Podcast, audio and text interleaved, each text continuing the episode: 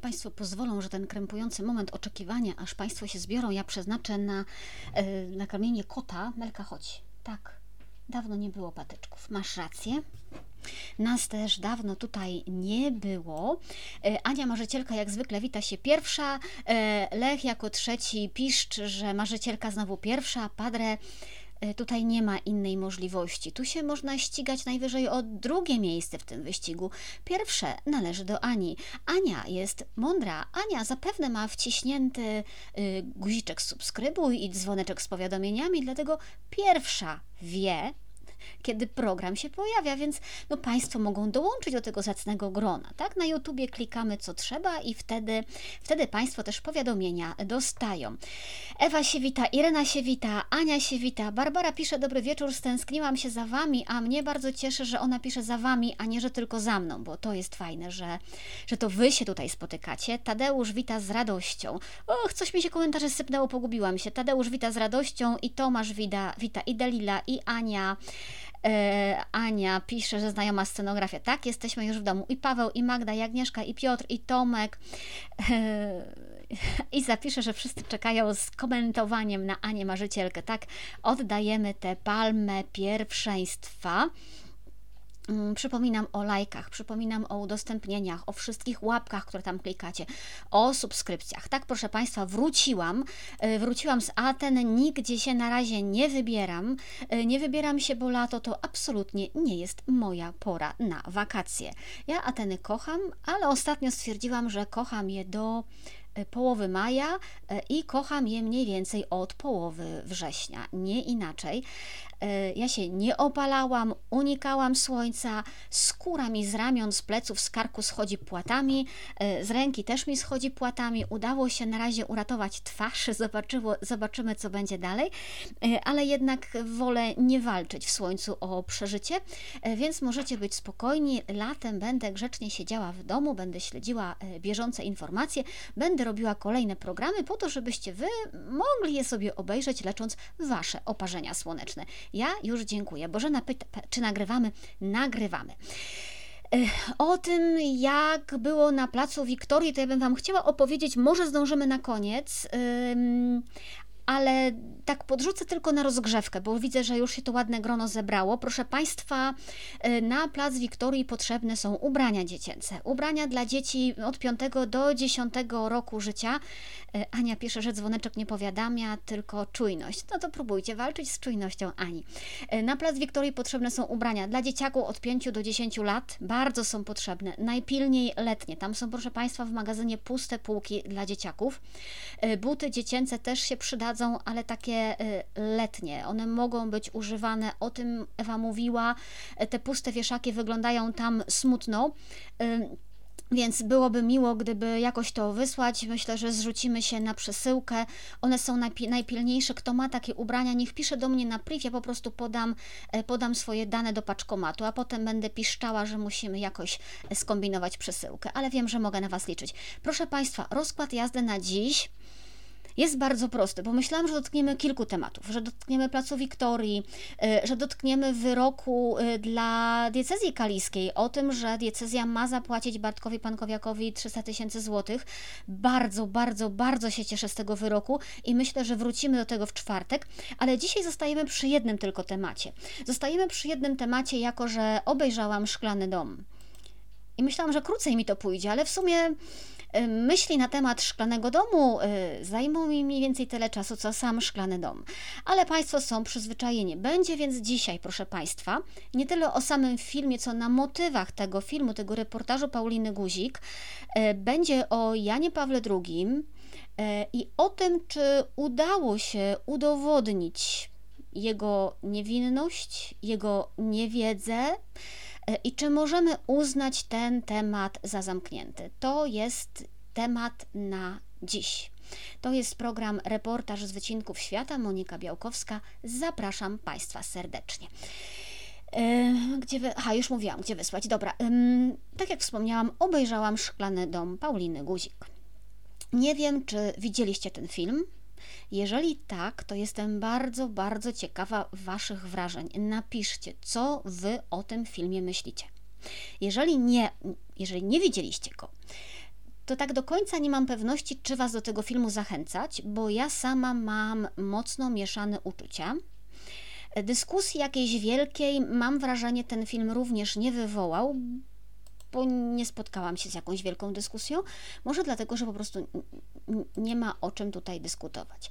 Cała rzecz jest o Janie Pawle II, o Janie Pawle II walczącym z pedofilią. Oglądałam. W wielu miejscach, przyznaję, robiłam sobie przerwy, bo było tak długawo i nudnawo. Znaczy, nudnawo w tym sensie, że miałam wrażenie, że powtarzamy rzeczy, które już wiemy. I miałam takie wrażenie, że film jest robiony bardziej z założeniem nie pokażmy całą prawdę, ale pokażmy drugą stronę tej historii. E, I okej, okay, możemy takie filmy, takie historie drugostronowe robić, to też jest y, ważne, y, jest potrzebne, ale nie można tego nazywać całą prawdą, bo to jest nieuczciwe. Y, ja się tutaj czułam wielokrotnie przekonywana, że skoro Jan Paweł II był świętym i rozmodlonym człowiekiem, to przecież oznacza, że nie mógł wiedzieć o pedofilii. E, i że w ogóle to, co się działo, nie było jego winą, tylko oszukiwali go źli ludzie na Watykanie. I powiem Wam więcej, i to jest właściwie smutny wniosek, że tak jak e, film Marcina Gutowskiego nie sprawił wcale, że potrafiłam jednoznacznie powiedzieć, tak, na pewno Jan Paweł II wiedział o wszystkim. E, I Marcin Gutowski mnie do tego nie przekonał, to wiecie, y, mam wrażenie, że Paulina Guzik mnie do tego przekonała, że on jednak wiedział. Ja miałam wtedy wątpliwości po filmie Marcina Gutowskiego, czy, czy rzeczywiście nie jest tak, że on był y, otoczony oszustami, którzy, którzy nim grali, zwłaszcza po 2000 roku, kiedy, y, kiedy stan zdrowia papieża już niespecjalnie pozwalał na jakieś radykalne działania. Mm, no, film Pauliny Guzik sprawił, że porzuciłam te wątpliwości, tak? To znaczy, skończyłam oglądać ten film z taką myślą, że jeżeli Jan Paweł II rzeczywiście o niczym nie wiedział, to był to ogromny grzech zaniedbania i taka, taki grzech, taka wina totalnego puszczenia samopas struktur Watykanu do tego stopnia, że papież robił swoje, a cała reszta robiła swoje, doskonale papieża ignorując. Yy, i nikt mnie nie przekona do tego, że tak musi być, tak? że tak działa Watykan i tak jest ok, a jeżeli tego nie rozumiem, to jestem ignorantką. Ja po prostu takiego argumentu nie przyjmuję. Po kolei, bo robiłam sobie w trakcie tego filmu, proszę Państwa, notatki.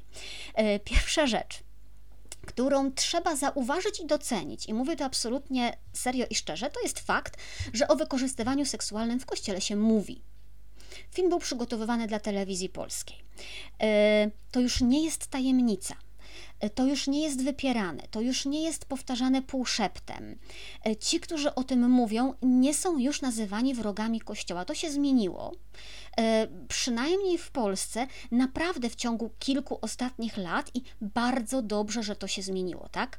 E, być może są jeszcze takie środowiska, w których będziemy próbować wyjaśniać, że to niszowe zjawisko, że po co o tym mówić, mm, ale te środowiska są już zdecydowanie w mniejszości. Zasadniczo rozumiemy, że to milczenie nas zabije, tak? Że to tuszowanie nas zabije, że pozwolenie na to, żeby pedofilii nie rozliczyć, że to nas zabije. I dzisiaj mówienie o tym brzmi trochę jak banał i doskonale, że to brzmi jak banał, że się z tym oswoiliśmy e, i że nie boimy się dzisiaj mówić y, w publicznych mediach tych rzeczy, za które kilka lat temu dosłownie niektórzy przegryzaliby nam tętnicę, tak? Więc jest ok, zrobiliśmy duży krok do przodu y, i to jest na pewno bez wątpienia doskonały znak. Y, ale jest tutaj kilka tematów które mnie poruszyły, na które zwróciłam uwagę. Temat pierwszy, proszę Państwa, to jest charyzma Jana Pawła II. E, film Pauliny Guzik rozpoczyna się od świadectwa Daniela Piteta, e, mężczyzny, który w dzieciństwie był molestowany przez zakonnika, a potem napisał książkę Ojcze, przebaczam ci. Mówiliśmy już kiedyś y, o nim. I znowu, świetnie, świetnie, że ta rzecz się rozpoczyna od głosu tych, y, o których najbardziej tutaj chodzi, to znaczy od głosu samych skrzywdzonych. Ale ja mam poważną wątpliwość, czy ten głos jest głosem w tej dyskusji, którą prowadzi ten film. A jeżeli jest, jeżeli jest wprowadzony świadomie, to pachnie mi to graniem na emocjach, a nie poważną argumentacją za tym, że Jan Paweł II y, nie ponosi tutaj, y, tutaj winy. Bo zobaczmy, staje przed nami człowiek, który jako chłopiec był gwałcony przez Franciszkanina. Chłopiec, który potem, kiedy dorósł, był kierowcą Jana Pawła II w czasie jednej z podróży apostolskich. Człowiek, który wielokrotnie z Janem Pawłem II się spotykał. Człowiek, który twierdzi, że Jan Paweł II widział jego cierpienie, że, że sam Jan Paweł II mówił: Widzę, że cierpisz. I ten człowiek, który wielokrotnie spotykał się z Janem Pawłem II, nigdy ani słowem nie wspomniał mu, że był wykorzystywany seksualnie przez księdza. I teraz mówi: Byłem oniemiały z zachwytu. To był istny Jezus na ziemi. Nie miałem odwagi na niego spojrzeć, byłem pod tak ogromnym wrażeniem jego osoby. I mówi teraz, że się modli do Jana Pawła II i że teraz mu o wszystkim opowiada, ale za życia nie powiedział ani słowa. I ja się zastanawiam, znaczy rozumiem wszystkie mechanizmy, tak? Rozumiem te mechanizmy, które sprawiają, że osoby skrzywdzone nie zawsze chcą o tym mówić i że muszą do tego dojrzeć. Ale zastanawiam się też, czy ta bliskość Jana Pawła II nie jest tutaj jakąś projekcją, tak? Czy to nie jest jakieś złudzenie, które sami my też często sobie w mózgu kreujemy. Przepraszam, jeżeli brzmię brutalnie. E, ja wiem, że ta wielka charyzma Jana Pawła II to jest część prawdy o nim, ale czy to na pewno, czy jego charyzma jest odpowiedzią na te pytania, które sobie zadajemy na temat historii prawa i dokumentów?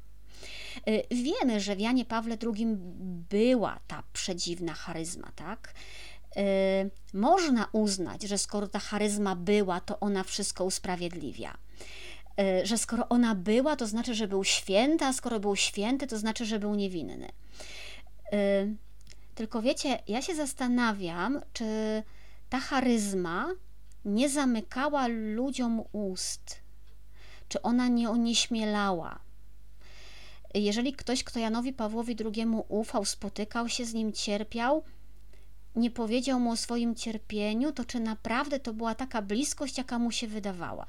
Z jednej strony mówimy, że Bóg jest dobrym ojcem, któremu możemy powiedzieć wszystko, z drugiej strony stajemy przed papieżem, który nas tak zachwyca i onieśmiela, że, że mówimy, że mu ufamy, ale i tak mu tego wszystkiego nie powiemy. To czy rzeczywiście on jest taki bliski, czy to jest coś, nie wiem, coś mi tutaj nie gra. Wiecie, miałam jakiś zgrzyt, którego sama nie potrafię dobrze nazwać. Ja się też wychowywałam w świecie Jana Pawła II. E, też się wzruszałam, też się zachwycałam, e, jeździłam za nim w różne miejsca. A tak naprawdę dopiero słuchając tego świadectwa Daniela Piteta pomyślałam, że, że nie tak powinna działać charyzma, wiecie? E, że że może, może teraz się tego nauczyliśmy przy papieżu Franciszku, że ten ojciec w kościele powinien być kimś, do kogo się przychodzi ufnie, a nie onieśmielonym majestatem, nie? Bo z jednej strony lubimy sobie powtarzać, że Jan Paweł II był bliski ludziom, a z drugiej strony tutaj właśnie trochę widać, jaka to była bliskość, nie? Y, może to będą za mocne słowa, ale może ta bliskość. Kurczę, wiecie, a ja aż się boję, co będzie z tym programem, bo mnie spalą na stosie. Ja się zastanawiam, czy ta bliskość nam się nie wydawała, tak? Że mieliśmy poczucie, że on jest bliski, bo patrzył w oczy, bo umiejętnie używał słów i gestów, ale on tak naprawdę prawdy o nas nie znał. Nie znał prawdy o tym, że człowiek, którego spotykał, był gwałcony przez księdza, najważniejszej prawdy życia tego człowieka. E, ja tutaj znalazłam taki tekst e, z 2020 roku Anny Karoń Ostrowskiej. Ja wtedy tego tekstu nie zauważyłam, a teraz on wydaje się mocno potwierdzać wiedzą mm, to, co gdzieś było moją intuicją, tak? Chociaż ten tekst mówi o relacjach nie tyle z ogółem wiernych, co o relacjach z ludźmi, Jan, których Jan Paweł II znał osobiście. I Anna Karoń Ostrowska, to ten tekst się w, więzi bodajże ukazał, nie mam tutaj linku, przepraszam, e, więzi chyba, pisała o apartamencie, czyli o tym najbliższym otoczeniu papieża. Pisała o tym, jakie to otoczenie miało wpływ na papieża, o tym, że ten wpływ sięgał ingerencji w teksty i książki pisane przez papieża, e, o tym, że nie zawsze to było uczciwe, o tym, że papież nie wiedział, co się dzieje. Tam chodziło zwłaszcza o rozmowy jego z księdzem Tischnerem, że kiedy się dowiedział, to był wzburzony, ale nie zapytał swojego otoczenia, co się stało, kto nakombinował i jakim prawem w tej książce, tak? E, I Anna Karoń Ostrowska pisze podczas rozmów, Jan Paweł II, chociaż słuchał bardzo uważnie, niechętnie pochylał się nad analizami zła, szukał we wszystkim dobra. Nie zwierzał się też nigdy ze swoich dylematów związanych z zarządzaniem kościoła. Odnosiłam wrażenie, że są to tematy zarezerwowane do rozmów z biskupami i księżmi, a nie ze świeckimi. Papież nie szukał rady ani wsparcia, nie dzielił się swoimi wątpliwościami i pytaniami, prosił jedynie o modlitwę. Bardzo interesował się za to naszymi sprawami osobistymi, związanymi z rodziną, pracą, codziennością, czy też aktualnymi wydarzeniami politycznymi. Zobaczcie, ktoś pyta, co u ciebie? Daje ci poczucie zainteresowania, zaczynasz czuć, że on jest ci bliski ale on nie jest bliski, bo ty nie wiesz, co się dzieje w nim. Ty nie znasz y, jego wątpliwości, jego pytań, jego rozterek. To nie jest. Ja nie chcę kwestionować całkowicie tej bliskości, tylko chcę pokazać, że ona nie jest symetryczna, tak? To jest bliskość jakiegoś idola, to jest bliskość tej charyzmy, ale to nie jest prawdziwa, symetryczna relacja, a niektórym mogło się tak wydawać. E, Anna Karoń Ostrowska pisze dalej, dziś widzę coraz wyraźniej, że Jan Paweł II tak miał uporządkowany swój świat relacji i priorytetów. Z filozofami rozmawiał o filozofii, z artystami o sztuce, z przyjaciółmi o ich życiu i wyborach o Bogu. Bywałam zaskoczona, kiedy słyszałam od kilku wybitnych osób znających Wojtyłę jeszcze z czasów krakowskich, że kontakt z nim był zawsze jak przez szybę że nie przechodził na ty, że był oschły i formalnie załatwiał sprawy służbowe, a ciepły bywał tylko dla tych, którzy jak mali chłopcy szukali u niego opieki ojca i mocno podkreślali emocjonalne przywiązanie do niego. To były światy zamknięte, oddzielne. Mm, I dalej pisze Karoń Ostrowska, wielokrotnie miałam możliwość zapoznawania się z papieską korespondencją, czytałam listy, jakie pisał do wielu osób. Wrażenia z lektury tych listów potwierdzały moje obserwacje. Jan Paweł II żył w światach ludzi, z którymi się przyjaźnił, ale swojego świata w pełni z nikim nie dzielił. I yy, to jest taki typ relacji, nie? Wychodzę do Was, ale Wy nie macie do mnie dostępu. Y, ja się uśmiecham, bo jakby przy zachowaniu całej skali, tak, nieporównywalnej skali, to to jest trochę tak, jak człowiek pokazuje swoją twarz w internecie. I to powiedzą Wam o tym różni, y, różni ludzie, którzy, którzy to robią. Y, są tacy odbiorcy, którzy mają poczucie, że jesteśmy zaprzyjaźnieni, bo jestem u nich w domu dwa razy w tygodniu i kiedy patrzę w kamerę, to mają wrażenie, że patrzę im w oczy. E, I proszę Państwa, ja czasem świadomie podkreślam taki dystans, bo miło jest, to jest naprawdę bardzo miłe, kiedy ktoś pisze do mnie dwa czy trzy miłe słowa, tak? Ja zawsze z tego się cieszę, zawsze grzecznie odpowiadam, ale też pilnuję, żeby nie przekroczyć pewnej granicy i nie dać komuś złudzenia głębszej relacji, żeby nie oszukać nikogo, że się przyjaźnimy. I mi się naprawdę zdarzało już przypomnieć komuś, że hello, pamiętaj, ja nadal jestem obcą babą z neta, tak? Cokolwiek mi napiszesz, to ty mnie nie znasz, a ja cię na ulicy nie poznam. E, I nie chcę cię oszukiwać, że jesteśmy najlepszymi przyjaciółmi i że możesz mi opowiedzieć wszystko. I na pewno masz wokół siebie bliższych ludzi niż ja, tak? Masz e, żonę, kochankę, męża, dzieci, rodziców, e, przyjaciół. Mm znów przy zachowaniu całej proporcji, tak? Y, no, mogłabym wchodzić w takie udawane relacje i się nimi karmić, tak, wypełniać jakąś swoją pustkę, dziurę, albo budować złudzenie, że ludzie, którzy mnie słuchają, tak, wy tam po drugiej stronie, y, otarlibyście każdą moją łzę, jakbym była w tarapatach, tak, a nie ocieracie jej tylko dlatego, że wam o tym nie powiedziałam. Y, nie, to jest złudzenie, to jest oszukiwanie siebie, tak? Wy macie swoje życia, y, ja mam swoje i nie ma mnie w waszym życiu, bo tak wybraliśmy. I z tym się trzeba po prostu zmierzyć. I to zmierzenie z prawdą wymaga właśnie zachowania takiej symetrii w relacji. Jeżeli wchodzę w świat innych, jeżeli słucham zwierzeń, a nie dopuszczam nikogo do siebie, albo jeżeli ja o sobie gadam, a nie, do, a, a nie jestem w stanie Was wszystkich wysłuchać, to nie możemy dawać sobie złudzenia, że to jest bliskość, że to jest przyjaźń. E, jeżeli tylko jeden słucha, a drugi mówi, to to jest co najwyżej spowiedź, tak? Ja nikogo spowiadać nie będę ludzie od Jana Pawła II odchodzili z tym przedziwnym poczuciem, że są kochani, potrzebowali tego i to było dobre ale ja nie mam pewności, czy tak wygląda miłość, która jest naprawdę relacją. Rozumiecie? Czy to, to, to, to była inna miłość, tak? Jakiej, jakiej my oczekujemy. Bo nie wiem, czy możemy się cieszyć miłością kogoś, kto nigdy się przed nami nie otworzył. Czy to jest prawdziwe? Ania Marzycielka pisze, że często o tym mówi ojciec Adam Szustak. Ludzie spotykając go, rzucają się mu czasem na szyję, jakby znali go od lat, tak. I potem musi biedny człowiek wychodzić, rozumiecie, do żabki w nocy i w kapturze. No, no to są właśnie te, te, te trudne momenty, nie? I teraz pytanie, czy ktoś będzie z tego czerpał jakąś satysfakcję i się tym napawał, czy ktoś będzie czuł, że to jest coś nie tak, tak, że ja nie mam prawa od tych ludzi tego brać, bo, bo im tyle nie daje.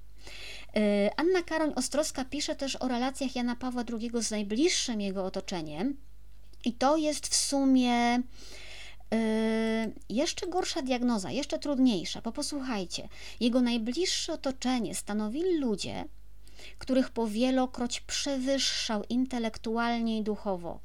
Wiedział o tym, ale czy starał się ich wychowywać, zmienić? Dlaczego takich wybierał i nie tworzył obok nich przeciwwagi? Y, dlaczego milczał, gdy zbywano jego pytania albo go okłamywano? Dlaczego nie szukał partnerów, tylko wystarczali mu współpracownicy, którzy mieli wiernie wykonywać jego polecenia? Ale też nie sprawdzał, czy dobrze to robią, nie kontrolował, odpuszczał, ufał.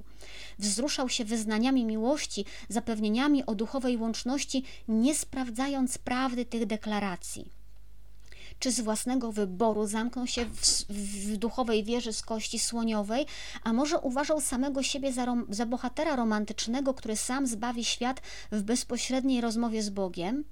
Trzeba szukać odpowiedzi na te wszystkie pytania. Będę to robić dalej uparcie, choć z bólem w sercu. To pisze Anna Karoń Ostrowska. Ja kiedyś słyszałam e, bardziej brutalną e, diagnozę tego, tak, że to nie świadczy o wielkości człowieka, kiedy się otacza miernotami słabszymi od siebie, ale to, to tylko nawiasem mówiąc idę kota wypuścić. No już, wychodzimy. Do widzenia, Pani Melanio.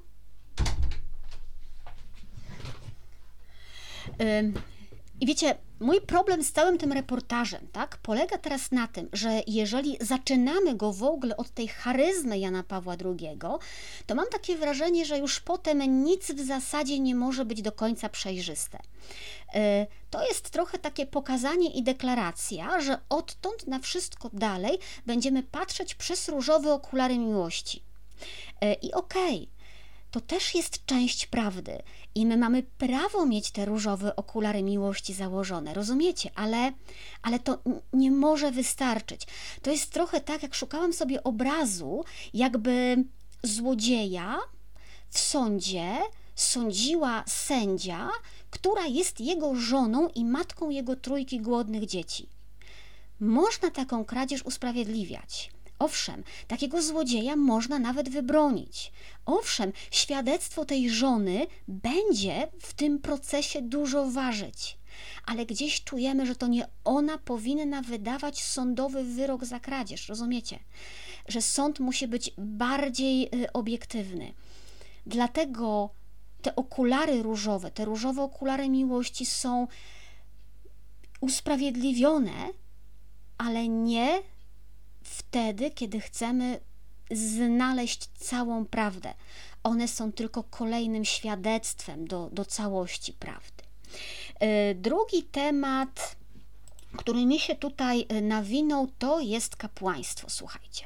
E, podsumowując świadectwo Daniela Piteta, Paulina Guzik mówi, cytuję: Historia Daniela pokazuje najlepiej, że aby ocenić podejście Jana Pawła II do kryzysu wykorzystywania seksualnego w kościele, należy osadzić to podejście w kontekście historycznym, ale przede wszystkim należy spojrzeć na to, jakim Karol Wojtyła był kapłanem. I to jest teza, z którą się głęboko nie zgadzam i przeciwko której całym sercem protestuję. Nie, to nie chodzi przede wszystkim o to, jakim Karol Wojtyła był kapłanem, bo jeżeli przyjmiemy tę perspektywę, to ona konsekwentnie przyjmowana doprowadzi nas do punktu, w którym również księży gwałcących dzieci będziemy pytać o to, jakimi oni byli księżmi. Ja Wam kiedyś w przypływie szczerości y, opowiedziałam o księdzu, którego spotkałam w życiu, y, o księdzu, który był pospolitym przestępcą, który był cynikiem, złodziejem, miał związki z lokalnymi mafiami, z prostytutkami, które tabunami mu się przewijały przez mieszkanie. Jakim był księdzem? Bez zarzutu był perfekcyjny przy ołtarzu, był rozmodlony przy ołtarzu, był, miał doskonale przygotowane i mądre kazania, miał był skupiony przy ołtarzu. Do, do konfesjonału stały naprawdę długie kolejki. Ktoś, kto nie znał tego malutkiego fragmentu drugiego życia, y, tego życia, w którym się przedstawił jako WF-ista, to mógłby przysięgać na samego Boga, że to jest ksiądz doskonały. E, dlatego argument, że to, jakim ktoś jest księdzem, e, jest, ma być tutaj głównym ważącym, naprawdę jest dla mnie e, nie do przyjęcia. To jest argument, jak dla mnie, przepraszam, po moich doświadczeniach skrajnie naiwny. Y, bo może ten argument się sprawdzi w przypadku Jana Pawła II. Może ten argument nam coś wytłumaczy i on trochę tłumaczy, tak, jak Jan Paweł II patrzył na kapłaństwo i dlaczego tak bardzo ufał, ale jeżeli zaczniemy tego argumentu używać, to w kolejnych przypadkach on będzie wykorzystany przez cyników i będzie wykorzystany przez krętaczy. Y, I powiem brutalnie, jeżeli mówimy o czymś, co co jest przestępstwem, co jest naruszeniem prawa, co jest zignorowaniem zła, to nie obchodzi mnie to, jakim ktoś jest przy okazji księdzem. Mnie obchodzi to, co on w tej konkretnej sytuacji zrobił. I w ogóle wprowadzanie tego argumentu do dyskusji uważam za nieodpowiedzialne i uważam za bardzo krótkowzroczne. Uważam, że nie wolno tego robić jeżeli, nie chcemy doprowadzić do rozmycia odpowiedzialności już nie papieża, ale wszystkich innych w tej drabince odpowiedzialności. Nie koniec możecie uważać inaczej. Ja uważam, że to jest y, niebezpieczne. Y, oczywiście y, można tutaj y, dopowiedzieć, tak? Jeszcze jedno, co w filmie nie pada, jakim księdzem był Karol Wojtyła, jakim biskupem był Karol Wojtyła. Y, był przez lata biskupem y, w Krakowie. Wiedział o przypadkach nadużyć seksualnych, o przypadkach skandali seksualnych i z dziećmi, i z osobami homoseksualnymi. Jak reagował? Wiecie, no, można poczytać na profilu na przykład e, Andrzeja Garlacha, który to szczegółowo analizuje. Nie jestem w stanie zweryfikować tych informacji, tak? Nie mam dostępu do źródeł. E, musiałabym na to poświęcić pół życia, szczerze mówiąc, tyle tam jest materiału. E, autor jest historykiem, więc no trudno uznać, że mamy do czynienia wyłącznie z fantazjami. Warto tam zajrzeć, poczytać. Czasem miewam wrażenie, że niektóre fakty są łączone w jakieś logiczne wynikanie ciut na siłę, ale mimo to materiał jest porażający e, i on stawia pod znakiem zapytania te tezy o doskonałym biskupie Karolu Wojtyle, który, e, który zawsze reagował, mm, reagował nienagannie. E, temat trzeci, przy którym mam wątpliwości na tym filmie, to, jest, to są świadkowie, którzy już ktoś to zauważył w komentarzach, ktoś z Was, że mm, Świadkowie tutaj dzielą się wiarą, a nie dzielą się wiedzą.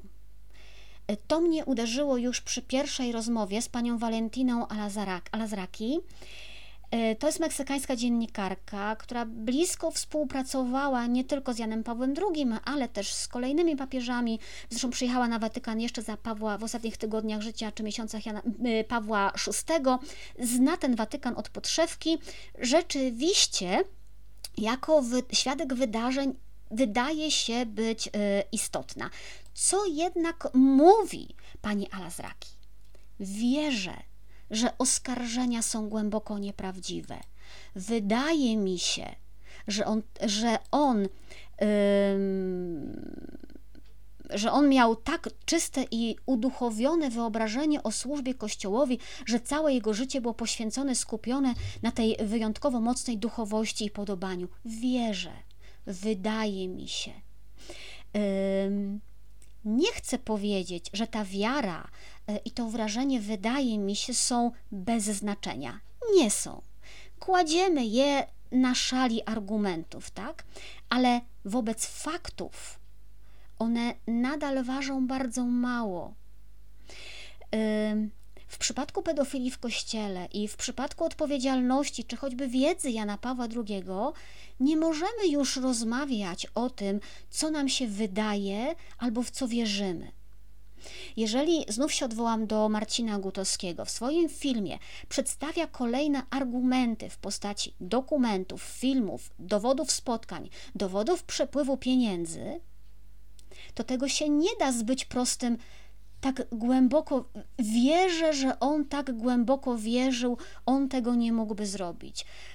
To nie są dowody, to jest szukanie usprawiedliwień w naszej miłości i to jest za mało wobec takich podejrzeń. Nie tak to się powinno y, odbywać. Ym, w ogóle, wiecie, kiedy schodzimy na ten poziom tego wydaje mi się i wierzę, to y, w połączeniu z tym wcześniejszym zderzeniem z charyzmą, zaczynam się zastanawiać w ogóle, czy ten reportaż miał odpowiedzieć na jakieś pytania, czy był raczej konstruowany pod konkretną odpowiedź. Y, czy to był w ogóle reportaż odpowiadający na cokolwiek? Czy to był zjazd fan klubu Jana Pawła II, gdzie przekonani przekonują y, przekonanych, nie? Bo zobaczcie, za chwilę na ekranie pojawia się John Allen. Y, Justyna pisze, że trzeba żeby zrozumieć Watykan, to trzeba tam być. Do tego też jeszcze wrócimy. E, John Allen, kolejny dziennikarz specjalizujący się w sprawach Kościoła e, ze Stanów Zjednoczonych, korespondent e, amerykańskiej gazety, mówi, że Jan Paweł II miał heroiczny obraz kapłaństwa i, cytuję, według mnie nie miał w ogóle cierpliwości do kapłanów, którzy nadużywali swojej pozycji. Dlatego myślę, że gdyby miał jednoznaczne dowody, podjąłby odpowiednie działania. Tu następuje e, zbliżenie w filmie na zachwycony wzrok autorki reportażu, która nie ukrywa, że myśli dokładnie to samo i że dostała to, czego oczekiwała, tak, żeby usłyszeć. Nie ma tam trudnego pytania, czy aby na pewno Jan Paweł II nie miał żadnych dowodów. Nigdy? A jeżeli ich nie miał, to kto przed nim te dowody zatajał. Dlaczego papież pozwalał na to zatajanie? Czy dowody na arcybiskupa Peca nie były wystarczające? Dlaczego nie zareagował? Nic. Cisza. Te pytania się nie pojawiają. Łykamy. Gdyby miał jednoznaczne dowody, podjąłby działania przytakujemy heroiczny obraz kapłaństwa, brak dowodów. No, mnie to nie przekonuje. Tu Marcin też zauważa y, Juliusza Peca. Temat czwarty, proszę Państwa, chyba ich siedem będzie, to jest naznaczenie komuną. Mówiliśmy o tym tutaj wielokrotnie. Y, ja sama do tego wracałam i Państwu y, przypominałam. W filmie to też jest zaznaczone.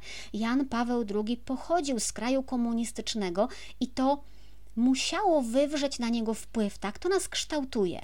Był doświadczony fałszywymi oskarżeniami wobec księży, był doświadczony prowokacjami, całą działalnością służb bezpieczeństwa. Nie można tego nie brać pod uwagę. E, w filmie zauważa to postulator procesu ksiądz Oder. Doskonale wiemy, że takie są korzenie myślenia Jana Pawła II o oskarżeniach wobec księży i mam już takie wrażenie, że powtarzanie tego jest truizmem, nie? Ale czy powiedzenie tego na pewno wystarcza, żeby zamknąć sprawę? żeby machnąć ręką i powiedzieć: No, nic dziwnego, że bronił księży, skoro w bloku komunistycznym tak trzeba było, bo większość oskarżeń przeciwko księżom to były oskarżenia sprokurowane. E, czy to usprawiedliwia głowę Kościoła, która dla dobra całego Kościoła powszechnego, przepraszam, Polacy, powinna przestać myśleć po polsku, a zacząć myśleć kategoriami Kościoła powszechnego? Czy my bylibyśmy zachwyceni, gdyby papież Franciszek wciąż myślał kategoriami tylko i wyłącznie argentyńskimi i to podkreślał? E, zauważmy, e, nawet jeżeli przyjmiemy, że papież bardzo troszczył się o to, żeby żaden ksiądz nie był fałszywie oskarżony, jeżeli tych oskarżeń naprawdę się bał i dlatego był tak ostrożny, nie chcąc nikogo skrzywdzić, to czy nadal troska o księży nie była tu większa niż troska o potencjalnie skrzywdzone dzieci? Y, czy nadal na pierwszym miejscu nie było to, żeby nie skrzywdzić niesłusznym oskarżeniem księdza, niż to, żeby żadne dziecko więcej nie zostało skrzywdzone. Co postawilibyście wyżej? Które podejście z dwóch niedoskonałych zaznaczam, bo ani jedno, ani drugie nie jest doskonałe. Y, które z tych dwóch niedoskonałych podejść y, rozumiecie, y, wybralibyście, które uważacie za lepsze, co wolicie powiedzieć? Pierwsze, podejmijmy ryzyko. Niech ucierpi jakieś dziecko, ale za wszelką cenę nie możemy niewinnie oskarżyć księdza. Najpierw go dobrze sprawdźmy. Czy drugie, podejmijmy ryzyko, nawet jeśli ksiądz ucierpi niewinnie, najważniejsze jest, żeby żadnemu dziecku więcej nie stała się krzywda. Pierwsze czy drugie? Ja wybieram drugie. Y, I uważam, że drugie jest mimo wszystko bardziej moralne i bardziej usprawiedliwione. I ja wiem, że to zwłaszcza dla księży jest trudne. Doskonale to rozumiem.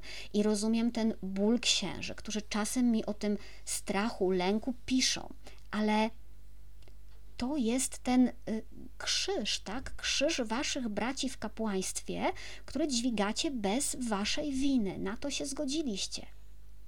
W filmie Pauliny Guzik pojawia się oczywiście kardynał Pell, niewinnie oskarżony, potem uniewinniony, człowiek, który spędził ponad rok w więzieniu. Autorka reportażu mówi, że tego właśnie obawiał się Jan Paweł II, niesłusznych oskarżeń wobec niewinnych kapłanów. Przepraszam, jeżeli będę brutalna. Znów. Ale kardynałowi Pelowi, proszę Państwa, obiektywnie rzecz biorąc, to się żadna ogromna krzywda nie stała. Sąd uznał jego niewinność. Został zrehabilitowany. Okazał się być moralnym zwycięzcą. Owszem, spędził rok w więzieniu, to bez wątpienia było cierpienie. Ale czy naprawdę ktoś uważa, że rok w więzieniu dla dorosłego, dojrzałego mężczyzny odciska się na nim większym i boleśniejszym piętnem niż gwałt na małym chłopcu? Wielokrotny gwałt na małym chłopcu?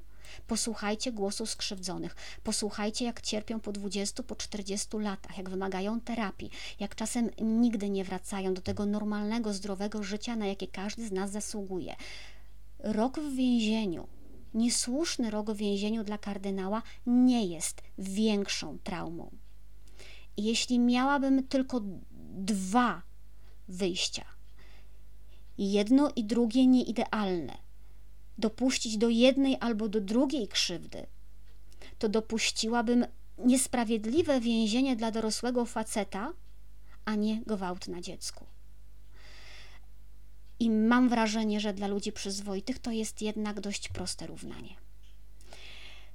Yy, dlatego, owszem, yy, możemy mówić, że Jan Paweł II chciał chronić księży przed, przed tymi niesprawiedliwymi oskarżeniami, bo chciał, taka jest prawda, ale nie róbmy z tego argumentu jego obrony. Bo użycie tego jako argumentu obrony jest według mnie przyznaniem, że Jan Paweł II nie miał pojęcia, jak wygląda trauma człowieka wykorzystywanego seksualnie, ile ona moralnie waży. Albo nie miał pojęcia, albo uznawał, że to jest mniejsze niż niewinne oskarżenie księdza, więc lepiej uznajmy, że po prostu nie miał pojęcia.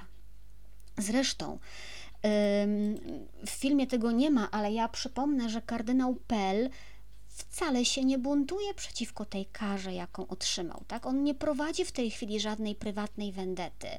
Z tego, co mi wiadomo, nie ma jakiejś sprawy o odszkodowanie z tego powodu. On uznaje, że okej, okay, taka była cena dochodzeń, taka była cena oczyszczenia, jakie z pełną determinacją prowadził, no i tę cenę poniósł. I te niewinne oskarżenia będą się zdarzać i trzeba to brać, przepraszam, na klatę, jeżeli chcemy oczyścić Kościół, bo inaczej się po prostu nie da.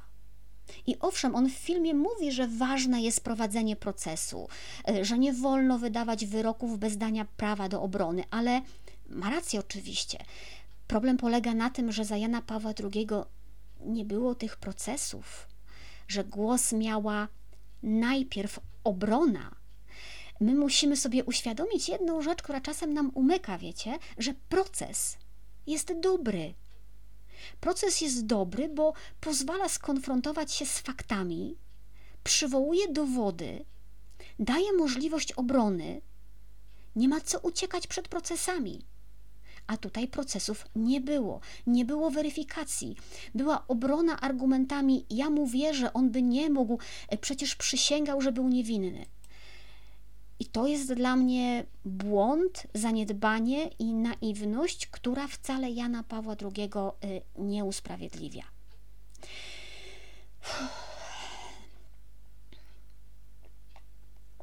Przepraszam. Muszę zwilżyć kartę. Dla mnie to też jest trudne, proszę Państwa. Y, patrzę na liczbę oglądających i na liczbę reakcji, więc tam można tego lajka, buźkę, nawet wkurzoną kliknąć. Temat piąty. Papież, temat, teza, papież miał prawo nie wiedzieć. I tutaj pojawia nam się y, kolejna ważna postać, coś mi się dzieje z netem, widzę, y, czyli George Weigel. On po pierwsze mówi, że psychologowie i psychiatrzy w tamtym czasie zapewniali, e, że pedofilii można naprawić, tak, że można tym ludziom pomóc i biskupi w to wierzyli bo się troszczyli o swoich księży, więc wierzyli, że można ich naprawić. Weigel przyznaje, że to był błąd, owszem, ale to był błąd nieumyślny, wynikający z tego, jaka wówczas była wiedza. No trzeba by się skonsultować z psychologami, jak to wyglądało. E, papież wierzył w takim razie, że to, co jest robione, to wystarczy. Pytanie tylko, moje pytanie, które nie pada tam, brzmi, to w takim razie co było robione? Jak działało to konkretne naprawianie konkretnych księży wykorzystujących seksualnie dzieci. Czy ktoś robił z księżmi pedofilami cokolwiek więcej niż pogrożenie im palcem i przeniesienie na inną parafię? Bo w to, że psychologowie mówili, że wystarczy pogrozić palcem i przenieść na inną parafię, to nie wierzę. Yy, to pytanie w filmie nie pada. Yy, ja bym nie chciała udawać, że to wszystko, co było, to się działo dlatego, że biskupi wierzyli w możliwość terapii, tak? E, z tego co wiemy, to nie było żadnych prób takowej, najmniejszej. I takie gadanie to trochę traktuję jak e, mydlenie oczu, bo jestem w stanie przyjąć to, że biskupi wierzyli że księdza pedofila da się naprawić i nawrócić. Ale nie dostałam odpowiedzi, co robili w związku z tym, żeby go naprawić i nawrócić. Weigel mówi też inną rzecz, która trochę mnie, przyznaje, przeraża. Mówi, że przecież papież nie jest odpowiedzialny za każdy element zła, który pojawia się w kościele, że kościół to nie jest liceum, w którym papież jest pilnującym porządku. E, I kto mówi, że papież nie mógł nie wiedzieć, po prostu nie rozumie, jak działa watykański system. I powiem Państwu, że to jest dla mnie naprawdę straszne, bo zobaczcie, co my tak słyszymy, jeżeli to rozebrać na części pierwsze. Że Watykan e, jest siecią układów, w której nawet papież jest bezradny, bez wiedzy i bez możliwości działania, że on nie wie, nie widzi i nic nie może. A Watykan nami rządzi, ma władzę nad naszymi biskupami, ma władzę nad naszymi księżmi, ma władzę sumień nad nami. Czyli my się w wierze poddajemy Piotrowi, ale to poddanie po drodze przechwytuje jakiś toksyczny twór, tak, ten dwór watykański, który myśli o władzy i o kasie i który za nic ma zdanie papieża, te idee papieża i polecenia papieża, on po prostu robi swoje, tak? Czyli my oddajemy się papieżowi, a ktoś nam to chapie po drodze i podpierając się autorytetem papieża robi z nami co chce, tak? No bo to de facto mówi Weigel, mówiąc papież nic nie mógł, a wy nie rozumiecie Watykanu to w czym my bierzemy udział, yy, będąc w kościele. Komu my się poddaliśmy? No ja wiem, Jezusowi, tak, ale jesteśmy w pewnej strukturze. Kto i dlaczego mówi nam, jak mamy postępować? W jakim celu nam to mówi, tak? Jak mamy ufać, że robi to dla naszego zbawienia, a nie dla swoich korzyści? Wierzę w dobre intencje Weigela, ale to, co mówi, jak dla mnie, czy według mnie może zachwiać takim podstawowym zaufaniem Kościoła jako do instytucji. Papież nic nie mógł, nie rozumiecie Watykanu, no to ja nie chcę z takim Watykanem mieć nic wspólnego po prostu. Yy, boję się, że może tutaj niestety dochodzimy do jakiegoś sedna, wolałabym nie. Yy, do tego, że cały ten system jest gdzieś zachorował, tak? Y, Jezus ustanowił Piotra, ok, Piotr jest tylko człowiekiem, ok, potrzebuje pomocy, ok, ale czy aby na pewno Jezus chciał Wielkiego Watykanu, który będzie załatwiał swoje sprawy, okłamując Piotra, a jednocześnie działając w imieniu Piotra?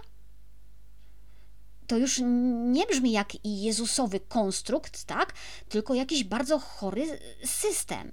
System, który był w stanie sprawić, że święty, rozmodlony, uduchowiony człowiek w niewątpliwej relacji z Bogiem, tak, Jan Paweł II, został po uszy zanurzony w jakimś szambie i jeszcze jest za to szambo odpowiedzialny.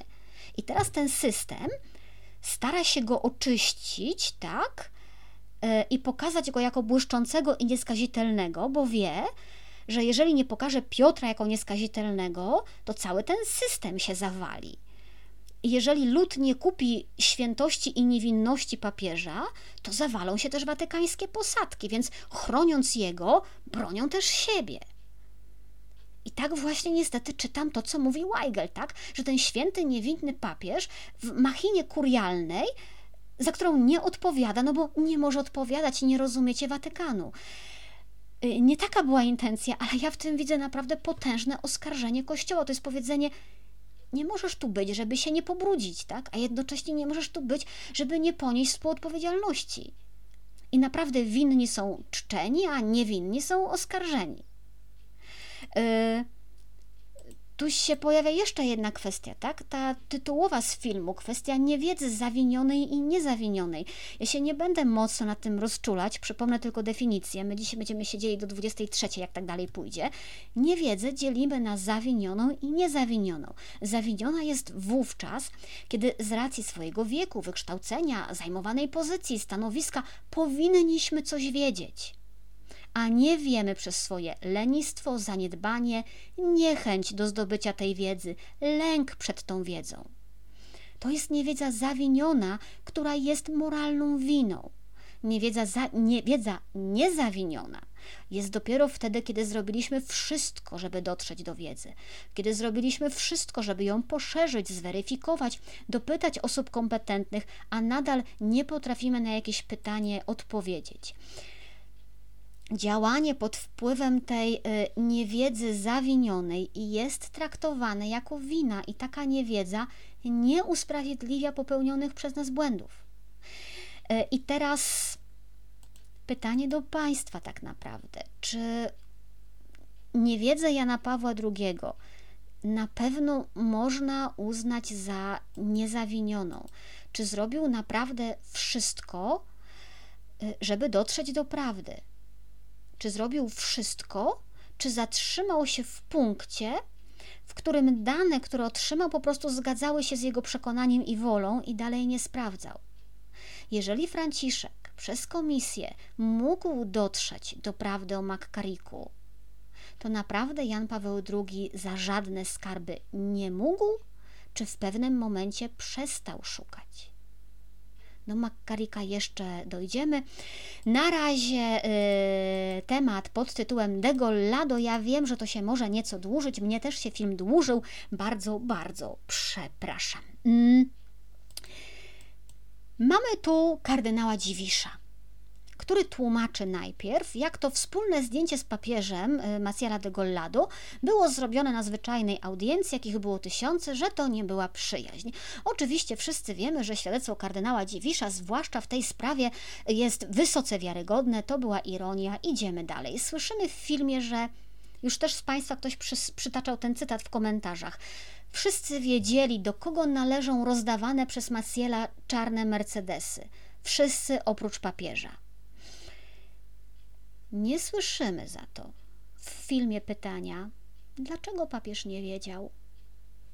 Dlaczego nie znalazł się ani jeden sprawiedliwy, który by mu o tym powiedział? Y, słyszymy w filmie, że byli wokół papieża ludzie, którzy nie pozwalali mówić wprost w prywatnych rozmowach o, o Degollado że kiedy ktoś próbował o nim mówić, to usłyszał, że ma obsesję i że ma o tym zapomnieć.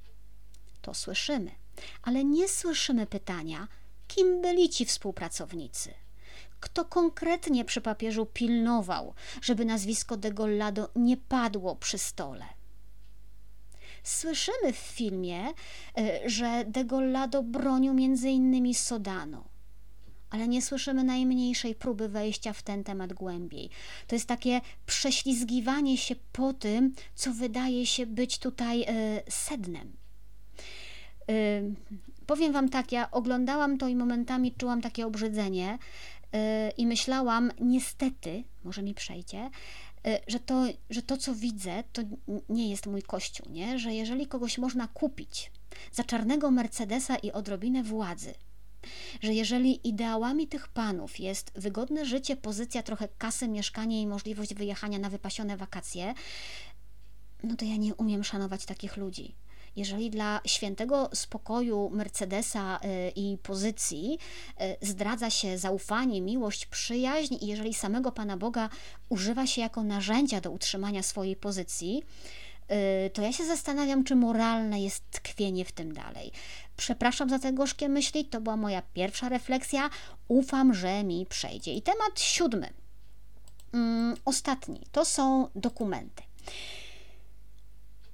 Y, wiemy, Myślę, że tutaj w tym gronie akurat nie muszę Państwu tego tłumaczyć i do tego przekonywać, że rzeczywiście dokumenty na temat walki z pedofilią powstawały za pontyfikatu Jana Pawła II. I bardzo dobrze, że ten film o tym przypomina. Być może są widzowie, którzy o tym nie wiedzieli i nie słyszeli. To jest ważna część prawdy o Kościele i nie można jej lekceważyć. W czym problem? Dla mnie problem tkwi w tym, że między innymi sprawa McCarricka pokazała, że te dokumenty nie działały. Po prostu. Jan Paweł II w pewnym momencie wiedział już, jak to powinno wyglądać. Wierzymy, że miał dobrą wolę, a potem, a potem nie zauważał, kiedy przychodził moment, żeby zastosować to, co wynikało z jego własnych dokumentów. Może to było niemożliwe w pewnych momentach, żeby zadziałało, tak? Y, ojciec Lech zwrócił mi y, uwagę przed programem, y, że on też by uwierzył, bo McCarrick się powołał na swojego spowiednika. Ale to znaczy, że co? Że jeżeli ktoś się cynicznie powoła na swojego spowiednika, na spowiedź, to sprawę mamy zamkniętą? To dajmy sobie spokój z całym rozliczaniem pedofilii. Czy wobec takiego argumentu zadziałają procedury i dokumenty? Nie zadziałały. Może nie było możliwości, może nie było determinacji w Watykanie, może nie było determinacji samego papieża, były dokumenty. Potem się pojawiło oskarżenie wobec człowieka, któremu ufał. Ten człowiek przysięgał, że jest niewinny, odwołał się do argumentu spowiednika między innymi. Jego przyjaciele też mówili, że jest fajny, więc papież obsadza go najpierw na najważniejszej diecezji amerykańskiej, a potem jeszcze robi kardynałem. Bo on przysięgał, że jest niewinny, rozumiecie? To jest stosowanie tych zasad, które Jan Paweł II zapisał w swoich dokumentach. Przecież, wiecie, ja się zastanawiam, jeżeli nawet nie miał dowodów, jeżeli nie zdołał dotrzeć do całej prawdy, a były poważne podejrzenia, to wystarczyło, nie chodzi nawet o karanie, nie? Może nie miał podstaw, żeby karać, ale zachować ostrożność, tą czerwoną lampkę z tyłu głowy. Y, bo na płaszczyźnie duchowej to odwołanie się do spowiednika wystarczy, ale czy na poziomie prawnym, czy na poziomie najwyższych stanowisk też może wystarczać? Zauważmy, że e, obsadzenie kogoś na archidiecezji waszyngtońskiej nie jest prawem człowieka. Zrobienie kogoś kardynałem nie jest prawem człowieka. Jest wyróżnieniem. I przeciwnie, nie mianowanie kogoś kardynałem nie jest żadną karą. To jest wolna decyzja papieża, kogo chce, a kogo nie chce nim zrobić. Mógł nie chcieć tak po prostu. Ale nie. On wiedział o podejrzeniach i nie tylko nie dążył do ukarania, ale nagrodził, wywyższył, uhonorował, mimo sprzeciwów, bo one były, i mimo podejrzeń. To po co były te wszystkie dokumenty, które podpisywał? Po co były te prawa, które wprowadzał? I wiecie, tak sobie myślałam, że mm, moje absolutnie subiektywne poczucie, nie? że to wykorzystywanie seksualne było dla papieża y, Jana Pawła II takim problemem raczej teoretycznym, że on wiedział, jak reagować, wiedział, jak trzeba, ale miał włączone takie hamulce, jakby do końca nie wierzył, że to się dzieje naprawdę. Y, I kiedy przed tymi oskarżeniami stawał ktoś, kto był mu bliski, to jednak bardziej wierzył oskarżonemu niż zarzutom. No bo przecież niemożliwe, żeby on. Y, I jeszcze jedno, muszę to powiedzieć, bo to mnie wkurza od dawna. Mówienie y, o tym, że Jan Paweł II zareagował na sprawę de Gollado na tydzień przed śmiercią. Teraz pomyliłam, czy na Degolado, czy na. Nie, na Degolado, dobrze. Na bodajże tydzień przed śmiercią, że dokument dotarł do Stanów, do, do Degolado, y, dzień po śmierci papieża. Y, błagam, nie używajmy tego argumentu w poważnych rozmowach. Y, są świadkowie, którzy mówią, że stan zdrowia Jana Pawła II w zasadzie nie pozwalał na podejmowanie poważniejszych i samodzielnych decyzji już po roku 2000 że się wtedy posypało jego zdrowie. Może, nie wiem, nie wnikam, ale na tydzień przed śmiercią e, to śmiem twierdzić, że jego myśli i wzrok to naprawdę fizycznie były już utkwione po drugiej stronie. Wiem, jak umiera człowiek chorujący tak długo e, i odchodzący tak długo, więc przestańmy wciskać ludziom brednie, że on reagował, bo trzy dni przed śmiercią wysłał list do Degollado, a na dwie godziny przed śmiercią chciał poświęcić ikonę Matki Bożej, bo to już e, nie jest naprawdę nawet zabawne. Ciekawą rzecz mówi na koniec tego filmu papież Franciszek. Y, mówi, że Jan Paweł II to był człowiek wielki i że nikt nie może wątpić w jego świętość, ale mówi też, że miał mentalność obronną. Y, to był wynik tego właśnie wychowania w komunistycznym świecie i tak sobie pomyślałam, wiecie, że y, my chyba też mamy w sobie tę mentalność obronną. i że to chyba nie my, nie Polacy powinniśmy robić uczciwe i rzeczowe filmy o Janie Pawle II, bo inni zrobią to lepiej, bo użyją mniej emocji, a więcej rzeczowych argumentów e, i dadzą więcej konkretnych odpowiedzi. Obawiam się, że ten program nie przysporzy mi zwolenników w kościelnym świecie. Trudno. Powiem Wam, że z całego tego filmu chyba najciekawsza była dyskusja po jego zakończeniu. Y, I ksiądz Piotr Studnicki, który na przykład miał odwagę mówić głośno, że albo z tego kryzysu wyjdziemy po stronie ofiar, y, albo z niego nie wyjdziemy i Kościół się rozsypie. Tak? To są dosyć mocne słowa. Odsyłam i sam film, i dyskusję można znaleźć w internecie, jeśli ktoś y, ma na to ochotę, ale polecam, bo jakby rozumiecie, to są wszystko moje subiektywne opinie. Możecie mieć absolutnie inne, możecie się nie zgadzać ze mną. O to tutaj chodzi. Miałam w planach opowiedzenie Wam o Placu Wiktorii, czasu już nie ma. Zostawię to na czwartek. Y, nie ma tego dużo, jest parę migawek albo po prostu śledźcie wpisy na profilu, bo pokażę Wam parę zdjęć. E, przypominam też, bo widzę, że są całe tłumy, które nie kliknęły. Lubię to na stronie reportaż z wycinku świata. Hello! Przegapiacie mnóstwo postów prawdopodobnie przez to. Szkoda Was. Polecam też, lubię to i lajki pod filmem, subskrypcje na YouTubie, e, łapki na YouTubie, co tylko się da. Przypominam, że program można wspierać zostając patronem w serwisie Patronite. Bez Was ten program przestanie istnieć, a ja go lubię i lubię się z Wami spotykać, więc jeśli też lubicie, to wiecie co robić. Poza tym patroni to jest w ogóle fantastyczne grono, które ma swoje miejsce do pogadania i też dostaje więcej czasem niż wszyscy widzowie, więc kto wie, kto wie, może warto. E, trzymajcie się ciepło.